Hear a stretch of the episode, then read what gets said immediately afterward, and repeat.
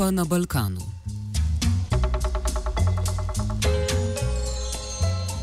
Na Hrvaškem je pred kratkim zaokrožila peticija proti razraščajoči se ksenofobiji in pristranskemu poročanju medijev o migracijah, še posebej v povezavi z zadnjim protestom pred hrvaško-bosanskim mejnim prehodom Maljevac pri Veliki Kladuši. Zaradi protesta 22. oktobra, ki se ga je udeležilo vsaj 200 migrantov, ujetih v Veliki Kladuši ali Bihaču, je Hrvaška zaprla mejni prehod.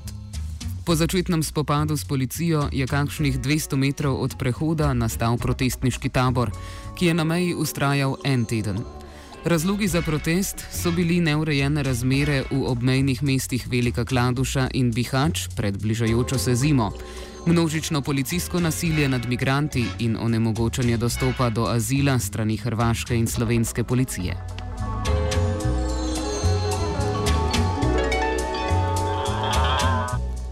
V peticiji, ki jo je v nekaj dneh podpisalo več kot 900 ljudi in 70 kolektivov, Avtori opozarjajo, da novinarji povzemajo informacije predvsem iz državnih virov, kot je Ministrstvo za notranje zadeve, ki je samo upleteno v sistematično policijsko nasilje in nezakonite izgone v Bosno in Hercegovino. Migranti, ki so s protestom zahtevali dostop do osnovnih pravic, so bili v hrvaških medijih predstavljeni kot prevratniki in nasilneži, čeprav je bila policija tista, ki je na protestu lomila roke. Policijsko nasilje nad migranti ni omejeno samo na protest v Veliki Kladuši. Odkar se je zaprl balkanski koridor, hrvaška policija migrante sistematično pretepa, jim krade denar in razbija telefone. Tako na Hrvaškem kot v Sloveniji pa je zaprositi za mednarodno zaščito skoraj nemogoče zaradi nezakonitega ravnanja in izgonov.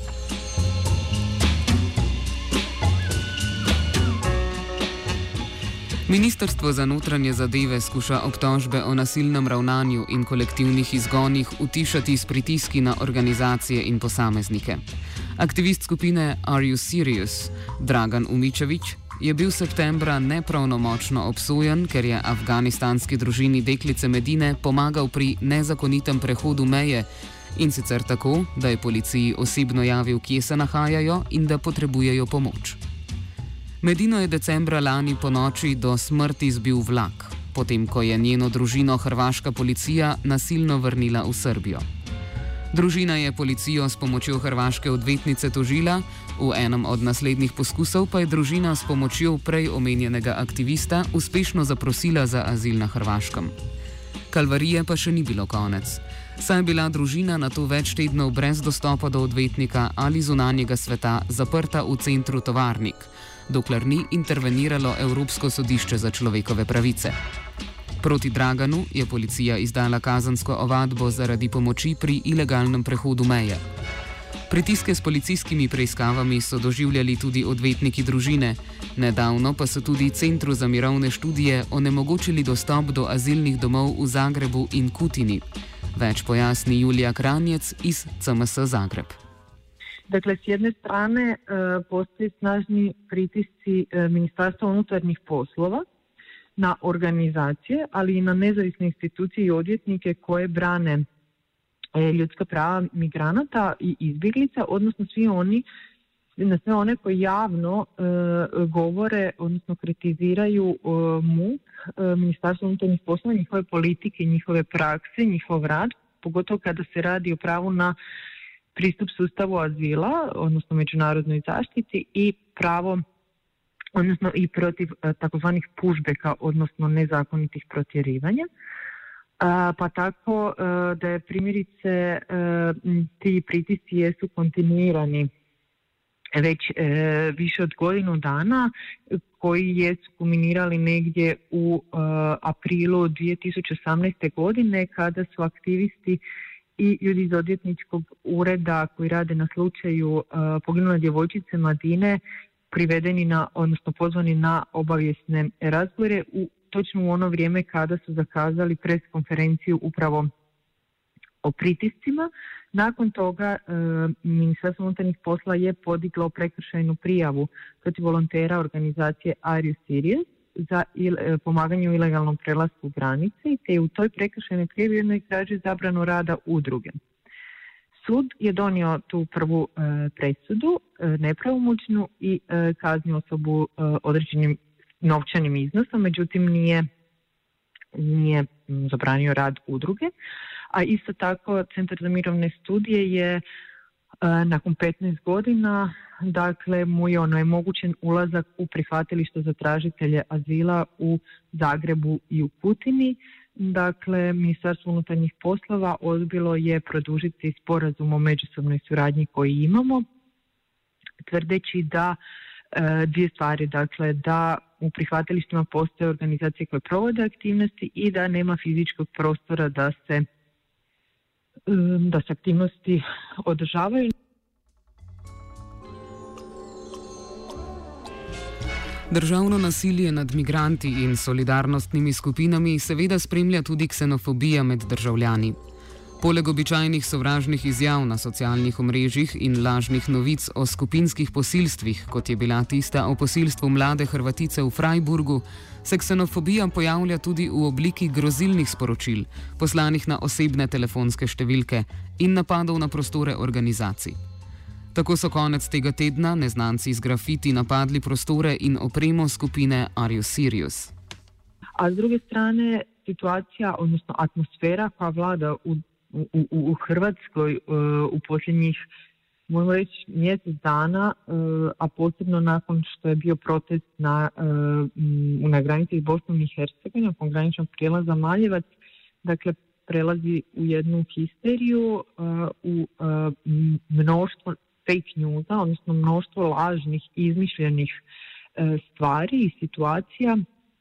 I isto tako je jako puno mržnje i jako puno e, prijetnji izgovorenih i napisanih u tom nekom virtualnom prostoru, a vidimo i s ovim jučerašnjim napadom, odnosno um, kako bih rekla, uh, oštećenjem um, Irish Series organizacije, dakle da sad da je zaista bilo samo pitanje kad će takva atmosfera i kad će to podprijavanje straha, podprijavanje mržnje preći sa e, riječi na, na dijela i zaista ukoliko e, se situacija e, na neki način ne smiri, ukoliko nadležne institucije ne reagiraju e, na one koji šire takve dezinformacije, koji šire izmišljene vijesti, ali isto tako zaista kako bi rekla, i proaktivno djeluju u tome da pružaju dovoljno informacija tome o čem se radi, koliko je ljudi, što ljudi hoće, dakle, odnosno koje su potrebe ovih ljudi, um, dakle, da, da je to bitno kako bi se preveniralo daljnje, daljnji porast um, ksenofobije, rasizma, dakle, i uopće nasilja. O nasilju hrvaške policije nad migranti in onemogočanju dostopa do azila so poročale že tudi mednarodne organizacije. Ta je v svojem poročilu za september v 2500 primerih prisilnih vrnitev v Bosno in Hercegovino zabeležila 1100 primerov onemogočanja pravice do azila in 700 primerov fizičnega nasilja policije preiskavi je vlado Hrvaške pozvala tudi komisarka za človekove pravice Sveta Evrope Dunja Mijatovič, vendar oblasti vedno znova odgovarjajo, da za takšne trditve ni zadostnih dokazov.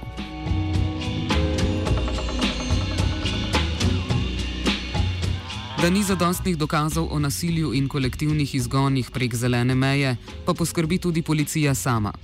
Ravnanje policije že dalj časa preizkuje varuhinja človekovih pravic in ko zahteva dostop do posnetkov termovizijskih kamer za čas, ko naj bi se zgodil izgon, ti skrivnostno izginejo, običajno zaradi izpada elektrike ali drugih tehničnih težav. Svi slučajevi koje su u organizaciji prijavljivale ili pak uh, ombudsmanka koja je prijavljivala uh, i koji dođu do njih da ne sadrže dovoljno dokaza, da ne sadrže dovoljno informacija potrebnih da bi se neka ispitivanja i neki istražni postupak dogodio. Na to treba isto tako podsjetiti da je baš u određenim slučajevima kada je postojao čitava, čitav niz činjenica, kada je postao točno vrijeme kada su osobe kada su izbjeglice prijavile nasilje ili prijavile da su bile protjerane um, i slično.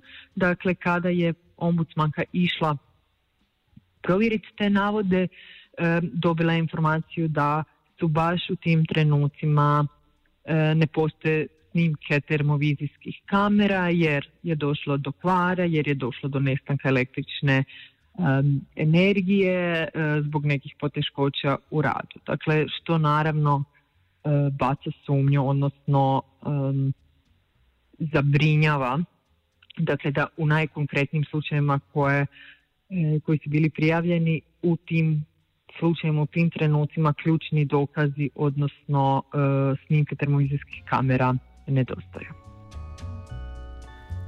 Podobno je bilo tudi v primeru tožbe proti neznanemu policistu, ki jo je vložila družina deklice Medine. Ko je varuhinja človekovih pravic zahtevala posnetke kamer, je policija odgovorila, da kamere v času izgona zaradi tehničnih težav niso snemale. Ko je odvetnica družine državnemu tožilstvu predložila dokaze o nezakonitem ravnanju, je to odločilo, da ni zadostnih dokazov za začetek preiskave. Primer se zato premika na Evropsko sodišče za človekove pravice. I sad e, Državno odvjetništvo u Hrvatskoj također odbacilo je taj slučaj, odnosno e, utvrdilo je da ne postoji dovoljno dokaza e, kako bi mogli podignuti optužnicu e, protiv odgovornih osoba i isto tako je vidljivo u njihovom razloženju, odnosno u medijima gdje su procurili neki dokumenti i bilo je navedeno da državno odvjetništvo nije razmatralo, nije u obzir uzelo neke od e, dokaza koje je odvjetnica predlagala da se uzmu tipa e, GPS lokacije, e, lokacije kretanja policajaca, isto tako da se istraži što je bilo sa termovizijskim kamerama u tom trenutku i slično. Dakle, um, rekli, dakle da, državno odvjetništvo je to odbacilo i tada odvjetnica naravno komunicira taj slučaj pred Europskim sudom za ljudske prava s obzirom da učinkovite istrage nije bilo i da je očito da obitelj pravdu neće moći e, neće moći ishodati u, u Hrvatskoj. Tako da se slučaj trenutno nalazi pred Europskim sudom za ljudska prava. Migranti, ki poskušajo zaprositi za azil v kateri od evropskih držav, morajo prej prečkati hrvaško in slovensko ozemlje.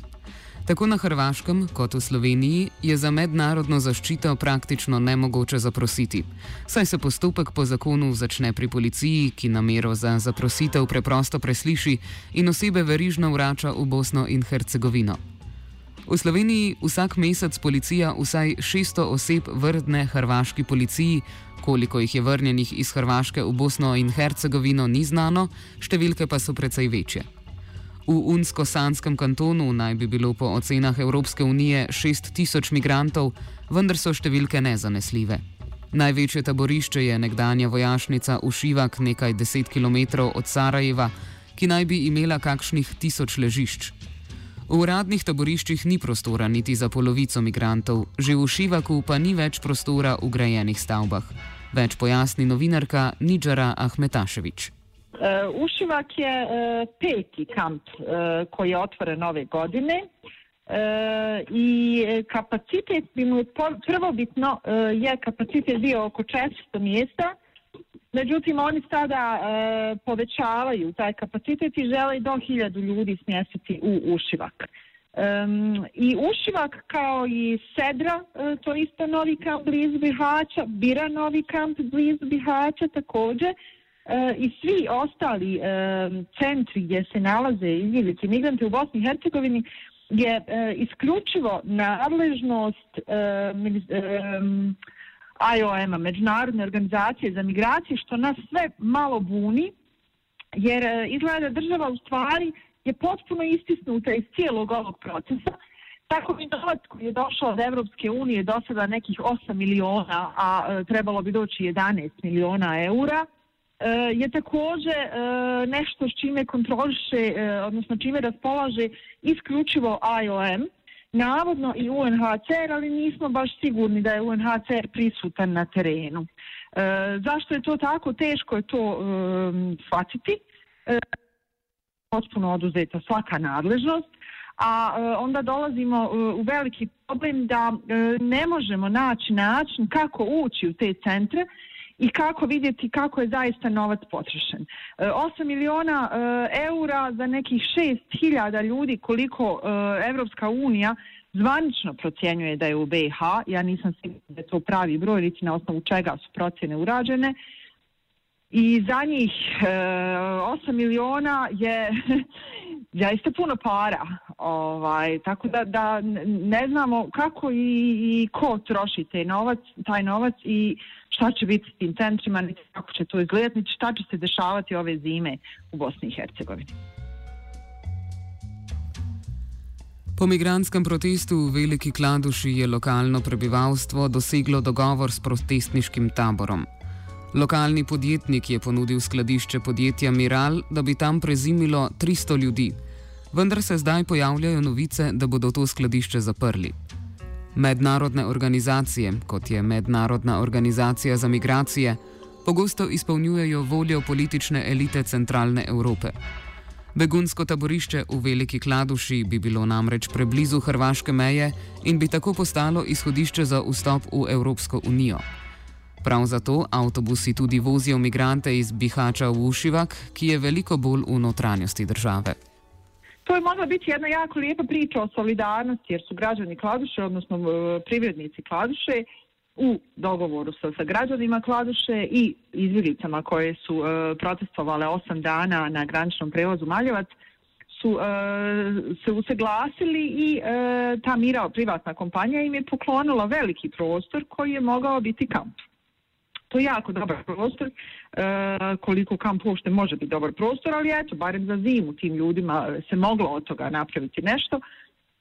Koliko su meni uzeti ljudi iz kompanije, oni su um, očekivali da će, um, u, odnosno da će IOM ozbiljno shvatiti će im pomoći, s obzirom da su oni uzeli nadležnost za sve izbjeglice uh, u BiH i da će im pomoći opremiti taj centar i šta već. Međutim, u ovom trenutku nije jasno ni ko vodi centar, ni šta se s tim dešava, ali danas već u javnost izlaze informacije da će 15. centar biti, uh, odnosno ta fabrika E, da će svi ljudi iz te fabrike biti e, preveženi u ušivak u Sarajevo.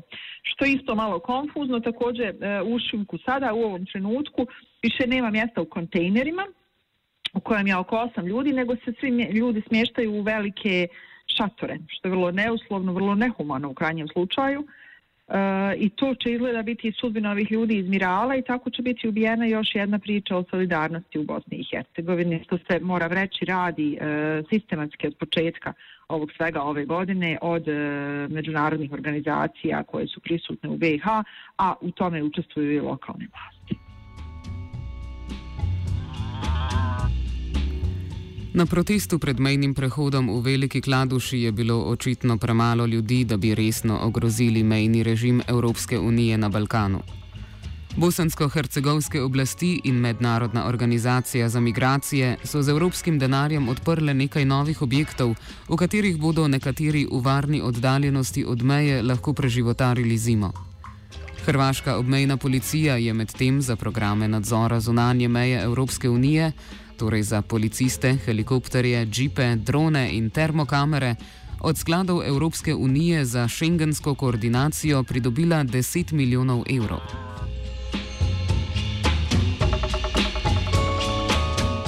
Offside je pripravil Jošt.